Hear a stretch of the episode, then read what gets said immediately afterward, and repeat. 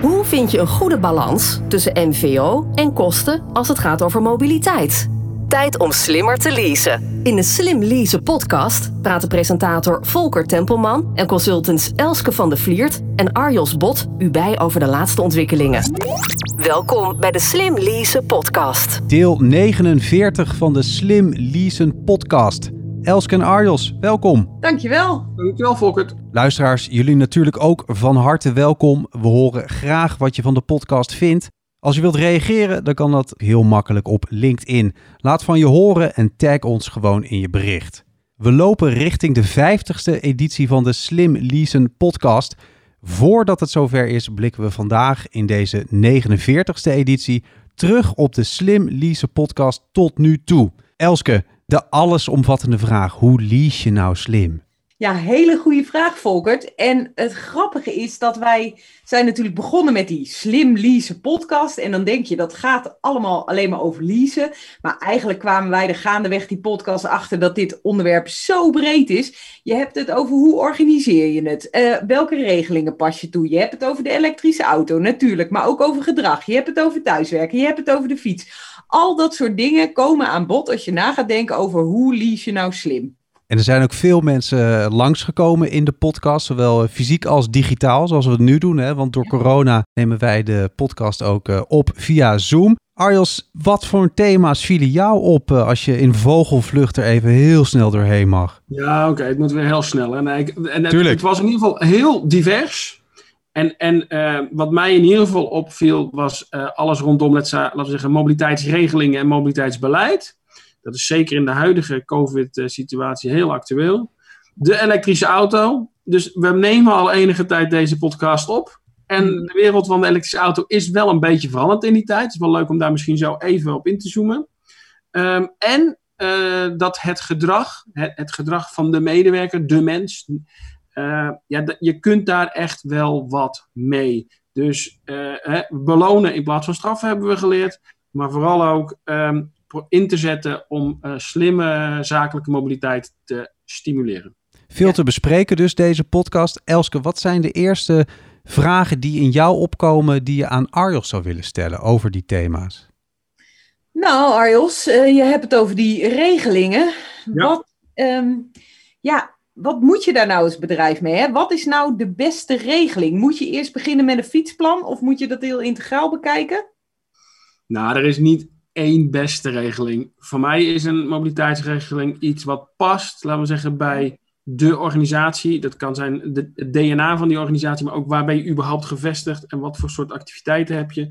Dat is heel bepalend voor de invulling van je mobiliteitsregeling. En even voor de duidelijkheid voor de luisteraars, voor mij is een mobiliteitsregeling kan op iedere medewerker van toepassing zijn. Hè? Dus zowel de zogenaamde leasegerechte medewerker, maar ook zeker op de niet-leasegerechte medewerker. En um, zoals gezegd, er is niet één allesomvattende, want dan was het allemaal veel te makkelijk. Hè? Hadden we ook niks meer te doen waarschijnlijk. Dus nee, de, er zijn meerdere wegen naar Rome, maar wat je in zijn algemeenheid dus, ja, bepaal een aantal uitgangspunten, uh, ambities. En kijk hoe je dat eventueel voor de niet-lease, maar eventueel voor de leasegerechte populatie voor elkaar krijgt. En misschien zelfs wel voor de hele uh, populatie. En misschien daar heel even op inzoomen, omdat het heel actueel is nu. Um, en daar kun je denk ik ook nog wel iets over zeggen. Kijk, vandaag de dag werken de meeste mensen thuis, of worden in ieder geval vriendelijk, toch vriendelijk gevraagd om thuis te werken. Ehm, dat blijft nog wel even zo. Dus zeker met die forfaitaire reiskostenvergoeding, daar kun je toch als werkgever wel de vraag stellen van oké, moet ik daar wel mee doorgaan? Want het is een vergoeding voor iets waar je nu geen kosten aan hebt.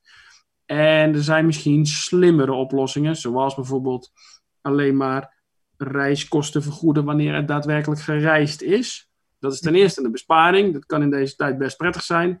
Aan de andere kant komt er dan misschien geld vrij om te denken aan een thuiswerkvergoeding. Uh, maar daar weet jij alles van, toch Elske? Zeker, tenminste. Ik heb daar recent nog onderzoek naar gedaan. En wat blijkt nou? Kijk, bij een vijfdaagse werkweek zit je ongeveer een 43 euro in de maand. Uh, als je een thuiswerkvergoeding geeft die conform het NIBUD, zeg maar, uh, fair is. Dus dan heb je het over gemiddeld zo'n beetje 2 euro per dag. Maar dan natuurlijk wel inclusief belastingen.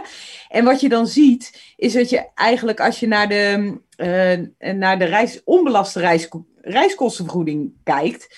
Dat je gewoon met 8,5 kilometer per dag eh, als je meer dan dat reist en je dus ook meer reiskostenvergoeding krijgt, dat je dan al goedkoper uit bent als je als werkgever gewoon een thuiswerkvergoeding verstrekt. Dus al die mensen die verder weg wonen dan 8,5 kilometer, daarvoor is het voor jou als werkgever in ieder geval, goedkoper om ze niet alleen thuis te laten werken, maar ze dan toch ook nog een thuiswerkvergoeding te geven.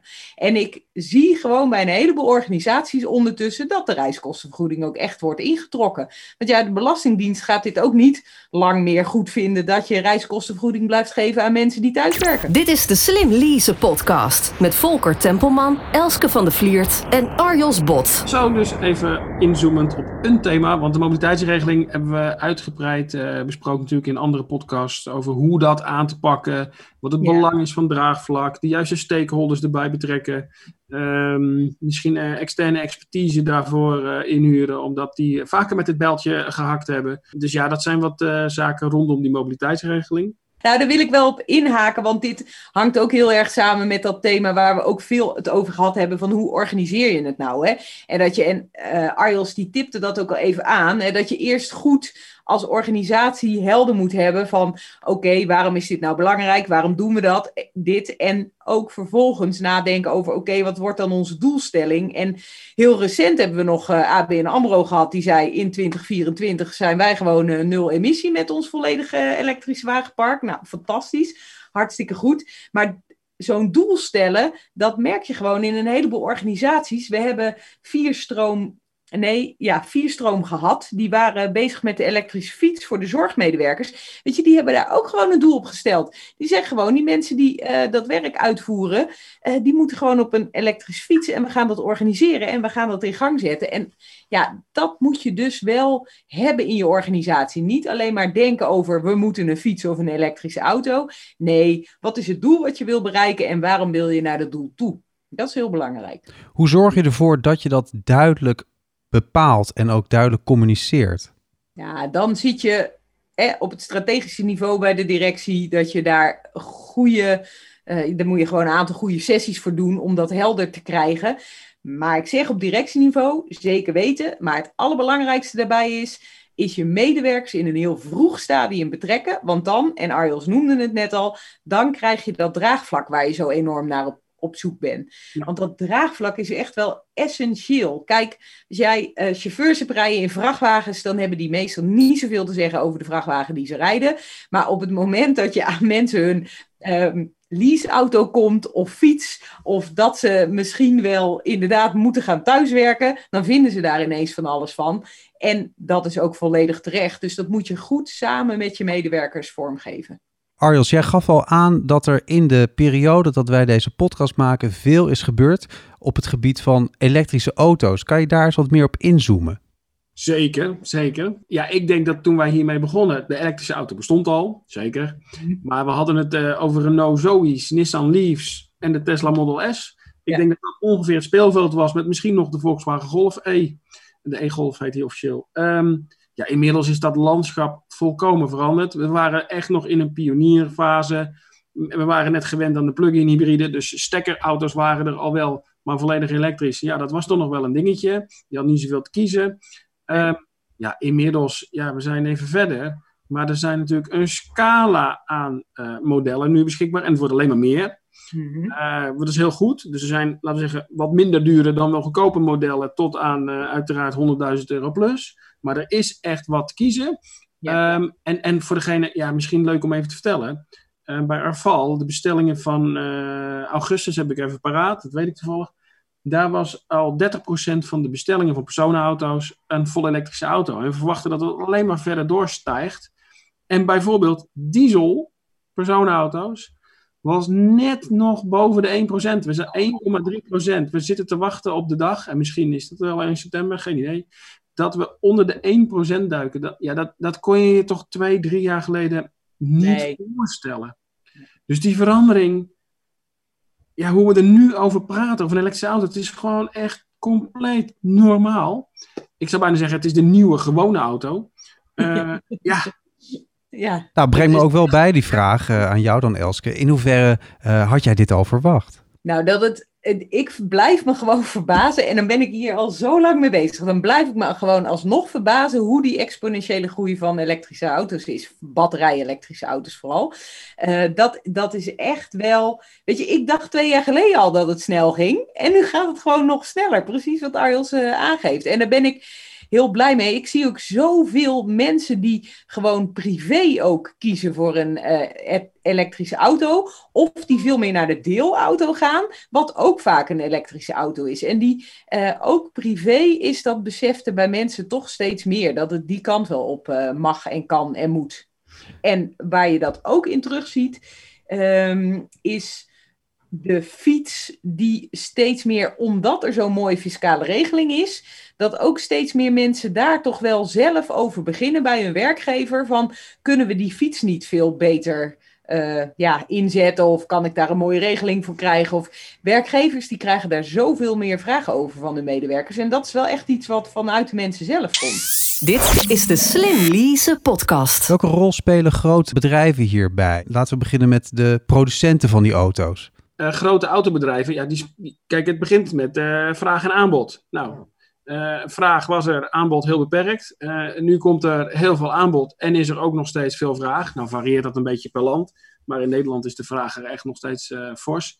En dat wordt mede ingegeven doordat, kijk, leaseauto's zijn voor een heel belangrijk deel de auto's die nieuw de markt opgaan. Het zijn niet per se de particulieren die allemaal een nieuwe auto kopen. Zijn vooral werkgevers die nieuwe auto's ja. ter beschikking stellen. Dus als je wilt verduurzamen of iets wil veranderen, begint dat heel vaak bij grote bedrijven die beleid maken en zeggen: jongens, we gaan die kant op. Um, en dan geeft dat een enorme push. En als het dan zowel uh, tikt uh, uh, duurzaamheid, tikt um, kosten en tikt ook nog in belangrijke mate medewerkertevredenheid, ja, dan kan het natuurlijk heel hard gaan. En dat is feitelijk wat we nu zien. Heb jij het gevoel dat de grote autoproducenten eerst nog een beetje de kat uit de boom hebben gekeken, totdat het echt zover was en het harder liep? Uiteraard, want veranderen is natuurlijk moeilijk. Kijk, als wij nu. Uh, we gingen van een fysieke podcastopname in de studio naar een podcastopname op afstand. Ja. Dat was de eerste keer dat we ook dachten: van ja, wat is dit nou? Ja, uh, ja, mak, ja, dat is anders. En als jij toch al je fabrieken en al je uh, research en development en alles is in, en je, de know-how is ingericht op, laten we zeggen, diesels of benzineauto's. Ja, jongens, maar nu gaan we elektrisch. Uh, Oké. Okay. Ja. ja, dat is wel even een dingetje. Het is een soort van olietanker die een klein beetje, of best wel veel eigenlijk, moet gaan draaien. Van koers ja. moet wijzigen en dat duurt eventjes. Dat gaat nou eenmaal log en langzaam. Maar, maar als die als die eenmaal gewijzigd is van koers, ja, ja. dan ben ik, ik, als we hier over twee jaar weer een podcast hebben, dan ben ik toch echt benieuwd. wat een aantal van die grote bedrijven, Volkswagen is nu heel erg heftig bezig. Uh, met de ID3, ID4, Skoda, Enyaq. Uh, er, komt echt wat productievolume beschikbaar. En anderen zullen volgen. En, uh, en sommigen misschien ook niet. En dan ben ik toch benieuwd hoe dat over twee jaar is. Ja. ja, en we moeten ook niet vergeten hoe belachelijk veel geld erin omgaat. Hè? Ik, uh, uh, je, uh, je bent zo'n miljoen euro verder als je gewoon een, een nieuw model ontwikkelt, gewoon diesel, zeg maar. Hè? En dus als je al dat geld aan het uitgeven bent, voordat je als grote autoproducent dan ineens bedenkt, oh ja, het moet toch anders, ja, dan moet je nog meer geld gaan uitgeven. En als mensen iets niet kunnen, hè, is, het, uh, is, het, is het opgeven van waar ze al mee bezig zijn. Hè. Dat, is, dat is heel lastig. Mensen vinden het vaak veel moeilijker. Daar hebben we het in de podcast ook over gehad. Je kunt beter iemand 100 euro geven en dan zeggen: ja, maar als je niet met, uh, met fiets naar het werk komt, dan lever je een, een euro of een tientje in per keer, zeg maar. Hè. Dat is effectiever dan, wanneer je ze gaat vertellen van: nou ja, je krijgt elke keer dat je op de fiets komt, krijg je geld. Mensen willen zo graag iets wat ze hebben, hebben houden. Dat vinden ze echt heel belangrijk. Dus uh, nou ja, en dat dan in het duizend keer kwadraat als je een grote autofabrikant bent. We noemen nu een aantal thema's hè, die bij jullie opvallen over de afgelopen podcast die we hebben gemaakt. Uh, Elske, bij jou zijn dat thema's zoals uh, hoe organiseer je nou dat slimme leasen? Uh, wat is de rol van thuiswerken daarbij? De rol van de e-bike die ook alleen maar groter wordt. Arjos, bij jou is het de mobiliteitsregeling, het mobiliteitsbeleid, gedrag, mentaliteitsverandering. Slim leasen, die elektrische auto. Als je kijk naar de gasten die we hebben langs gehad. We hebben zoveel, zoveel leuke types uh, digitaal aan de lijn gehad, maar ook in de studio gehad. Arjos, kan je er eentje uitlichten die bij jou naar boven komt als je denkt van ja, dat was toch echt een bijzonder gesprek? Dat zijn er wel meer, natuurlijk op hele wisselende vlakken. Variërend van een ondernemer die gelooft in waterstof en al jarenlang vecht om een waterstofstation uh, zeg maar neer te zetten. Tot, tot iemand die uh, vanuit een, een, een ideologie zou ik haast zeggen, maar in ieder geval vanuit de NS probeert om op alle mogelijke manieren maar openbaar vervoer te verbeteren en, en uh, zakelijk aantrekkelijk te maken. Die mensen te verleiden tot openbaar vervoergebruik. Tot, tot ja, zeg maar een autoproducent. Een van de grootste, of van een van de grootste autoproducenten ter wereld. Die inzet op zowel benzine als hybride, als plug-in hybride, als waterstof, als volledig elektrisch. Wow.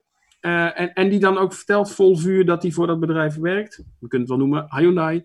Omdat die de duurzame autoproducent willen worden op termijn. En daar enorme ja, hun, hun resources op inzetten. Veel highlights dus, hè, als je het zo hoort. Ja, ik zou er niet één zomaar uit willen. Nee, dan zou ik alle andere tekort doen. Ja, precies. En voor jou, Elske, hoe zit dat? Wat, wat komt er bij jou naar boven?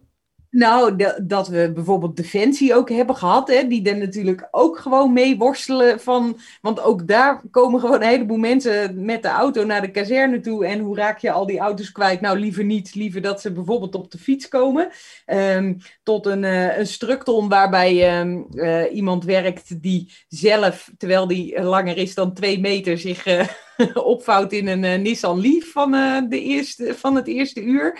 Tot inderdaad de zorgorganisatie die ermee bezig is. Tot de uh, laadpalen, waarin we bijvoorbeeld ook leerden dat het net nog wel wat zwaarder mag in Nederland. Maar dat dat ook wel weer redelijk overzichtelijk was. Want dat als het 25% zwaarder is gemiddeld, dan hebben we die hele netverzwaring achter de rug. En dan kunnen we voor iedereen laadpalen neerzetten. Ja, ik ben het met Arjos eens. Um, er was zoveel moois. En de buurauto bijvoorbeeld, dat je samen met je buren dat helemaal organiseert en die auto's gaat delen. En super sociaal, mensen met een afstand tot de arbeidsmarkt. Nou, dat soort dingen. Je kunt zoveel doen op dit gebied. Ja. En dat uh, Daarom zijn wij ook werkzaam op dit gebied, toch? Hey. Hey. Zeker, Arjos. Want het is niet zo mooi als uh, duurzame mobiliteit, hè? Dat is het zoveel, ja. Dit is de Slim Lease podcast. En het inspireert natuurlijk om nog veel meer uh, boeiende gesprekken te voeren over dit thema, want het gaat nog veel verder. Ondertussen is het corona. Het is COVID. We zitten er uh, letterlijk en figuurlijk mee. We doen, uh, zoals gezegd, deze podcast ook digitaal door corona. Elske, de gevolgen van corona op slim leasen. Wat, wat zijn die? Is daar iets zinnigs over te zeggen? Ja, uh, zeker. Kijk, laten we eerst uh, eens vaststellen dat we er. Het is allemaal droevig zat, maar het is natuurlijk fantastisch dat iedereen ineens mocht, moest thuiswerken. Hoe vaak ik wel niet gehoord heb dat thuiswerken toch echt zeker niet bij die organisatie zou kunnen. Nee, dat kon echt niet. Nee, dat kon echt niet. En ineens zat het hele kantoor thuis. Nou ja, ja bleek het wel te kunnen. Gekke bui.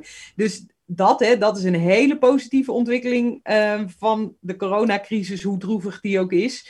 Uh, en ik denk dat dit op termijn nog wel uh, veel meer effecten gaat hebben in hoe organiseer je nou die mobiliteit. Want hè, ehm, meer fietsen, hartstikke gezond, hartstikke goed. Uh, sommige bedrijven moeten meer leaseauto's, sommige bedrijven kunnen met minder leaseauto's. Maar ja, dan hebben we ook nog het OV, hè, waar gewoon de de capaciteit is gewoon weer terug naar het oude niveau. Maar er zitten niet zo heel veel mensen in. Dus, en hoe gaat dat? Terwijl wij dachten, uh, OV is echt een heel goed alternatief, een heel duurzaam alternatief voor het uh, mijden van de spits met de auto. Maar ja, gaan we dat weer ooit op het oude niveau zien? En hoe gaan we dat dan organiseren? Dus ja, dat is wel even een heel belangrijk puntje. Uh, en dus de coronacrisis heeft echt wel heel veel effect uh, op een heleboel aspecten van dat slim leasen. Ik denk ook niet dat we dat al helemaal overzien. Er zijn natuurlijk al verschillende studies over geschreven en gepubliceerd, maar ik denk niet dat we het al helemaal overzien. Uh, maar dat is trouwens misschien een leuk bruggetje, want ja, kijk, wij gaan door met het opnemen van deze podcast. We vinden het leuk en relevant. Mm. dus beste luisteraar, als je nou een vraag hebt of een thema hebt, van je zegt, ja, maar dat zouden jullie ook eens moeten behandelen in de podcast. Laat het ons dan weten. Hè. Neem contact op via e-mail, LinkedIn, maar laat weten wat je, uh, welk thema je geadresseerd wil hebben, behandeld wil hebben, gelinkt aan zakelijke mobiliteit. En wie weet hoor je het binnenkort terug. En zeker als het ook uh, corona gerelateerd is. Uh, want uh, ik kan me voorstellen, Ars, dat daar heel veel vragen door ontstaan. Het gaat alleen maar verder. Ik vroeg jou in een vorige podcast ook van... wat zijn nou de gevolgen van corona op elektrisch rijden? gaan we meer elektrisch rijden bijvoorbeeld door, door corona? En dat zie jij wel, geloof ik. Nou, wat ik in ieder geval zie, is dat de kilometers, de, gezakelijk afgelegde kilometers, en eigenlijk wel privé ook, moet ik eerlijk zeggen, dus gewoon in zijn algemeenheid, het aantal kilometers gereden met leaseauto's neemt af. Um, het voordeel daarvan is dat ze niet gereden worden. Het voordeel daarvan is dus dat um, dat minder kosten met zich meebrengt voor een werkgever. Het maakt ook dat auto's minder onderhoud nodig hebben. Het, het, is allemaal beter. Er zijn ook veel minder ongelukken. Dat is allemaal beter. Um, en ja, terug naar jouw vraag over, ja, en wat doet het nou met die elektrische auto? Kijk, die elektrische auto die rijdt ook minder. Uh, maar je ziet wel duidelijk, en of dat nou corona is, ja of nee, maar je ziet wel duidelijk dat in een dalende markt, er worden veel minder nieuwe auto's uh, afgeleverd, zeg maar 20, 25 procent minder dan een jaar ervoor. Dat het aandeel van uh, volledig elektrische auto's sterker reizende is. Dus dat groeit hard, terwijl de totale markt echt flink naar beneden gaat. Um, heeft dat alleen met corona te maken? Nee, heeft ook met aanbod van elektrische auto's te maken, met uh, acceptatie van elektrische auto's. Het wordt steeds meer gewoon. Het is gewoon, maar je ziet ze overal. Um, werkgevers uh, duwen er meer op of schrijven het meer voor. Dus aan alle kanten is de elektrische auto in een plus. En dat dat ook goed is, omdat we kunnen vasthouden wat we met corona hebben ervaren, namelijk blauwe lucht, schone lucht, de natuur die zich weer anders beter gedraagt. Ja, dat is natuurlijk alleen maar uh, super mooi dat dat elkaar versterkt. Dit is de Slim Lease podcast. Zijn wat dat betreft ook de positieve gevolgen van corona goed geweest als je het hebt over slim leasen? Voor mij is dat een beetje tweeledig. Want ik zie slim leasen bijvoorbeeld ook dat je een leaseauto combineert met iets anders. Denk aan een fiets of openbaar vervoer. Maar openbaar vervoer is bijvoorbeeld helemaal stilgevallen. En ik zie slim leasen, ook bijvoorbeeld het leasen van een deelauto, die je uh, bij je kantoor bijvoorbeeld neerzet, zodat de medewerkers die kunnen gebruiken. Eerlijkheid gebied te zeggen dat we daar eh, ook een terugval zien, omdat mhm. mensen gewoon niet op kantoor zijn. Dus dan heb je ook niet zo heel veel meer aan die deelauto bij dat kantoor. Dus er zijn oplossingen of mobiliteitsvormen die een, ja, gewoon het even niet zo uh, mee hebben. En er zijn mobiliteitsvormen, en daar zijn de fiets en de auto in zijn algemeenheid voorbeelden van, die ja, heel aantrekkelijk zijn nu. Want het voelt of is of wordt ervaren als heel covid-proof, veilig, duurzaam, vitaal, eventueel bij de fiets ook nog. Dus dat is een beetje mixed, moet ik eerlijk zeggen, Volkert. En daar ligt, uh, Elske, ook de toekomst, hè? in die combinatie van mobiliteitsvormen waarin we de, de juiste balans moeten vinden. Wat is essentieel om daar die juiste balans in te vinden, denk jij? Nou, dat we in de toekomst moeten we veel beter nadenken over moet ik de reis doen en zo ja, op welke manier? En, en dat zag je al in de afgelopen jaren, zeg maar, die ontwikkeling zag je steeds beter worden. Mensen gingen al iets intentioneler om met hun mobiliteit en nou ja, gingen al meer nadenken over moet ik wel per se met de gewone auto, moet ik me daar uh, per ongeluk maar in laten vallen. En omdat ik dat elke dag doe. Maar die ontwikkeling zie ik nu nog veel sterker. Omdat nu het uitgangspunt eigenlijk is: ik werk thuis. En oh, maar vandaag ga ik met de auto onderweg. Terwijl het vroeger was het: oh, ik ga met de auto onderweg en eventueel werk ik thuis. En dat is wel echt een, uh, ja, een verandering. Dit was hem, deel 49 van de Slim Leasen podcast. Guys, dank jullie wel. Het is een hele journey geweest tot nu toe. De volgende keer dan is het de 50ste Slim Leasen podcast. Een jubileum dus. Dat wordt een feestje, een feestelijke podcast waarin we jou als luisteraar natuurlijk centraal stellen. Stuur ons daarom je vragen over dat wat jij altijd al had willen weten over slimme mobiliteit. Dit is een oproep. Laat van je horen. We willen heel graag van je horen. We gaan ons best doen om dan al jouw vragen in de podcast te beantwoorden. En uh, ja, we hebben dit al vaker gedaan, jongens. Maar waar kunnen mensen jullie bereiken? Waar moeten die vragen heen? Bij mij kunnen ze terecht op van de e.nl voor je eigen vragen. Maar ook uh, alle vragen van de buurman of uh, je, je collega. Maakt niet uit, want deel die podcast ook met ze. Hè? Wij vinden het heel leuk als we nog meer mensen kunnen vertellen over het mooie duurzame mobiliteit. Ja, en dus dat die vragen misschien ook uit allemaal andere hoeken komen die Ja. we daarvoor niet hadden verwacht. Waar ben jij te bereiken, Arjos? Want jij bent ook te mailen. Laat ik eerst zeggen dat ik het niet mooier had kunnen zeggen dan Elske het al zei. Dus delen, delen, delen, beste luisteraars. En ik ben te bereiken op arios.bot.arval.nl en uiteraard ook via LinkedIn. Deel de podcast. Je kan hem vinden op slimleasenpodcast.nl en natuurlijk in je eigen favoriete podcast app. Wij hebben er zin in, die volgende podcast, de jubileum podcast, 50ste Slim Leasen podcast. Tot dan, tot de volgende keer. Tot zover deze aflevering van de Slim Lease podcast. Zorg dat je op de hoogte blijft van alle ontwikkelingen op het gebied van zakelijke mobiliteit en luister ook naar de volgende aflevering.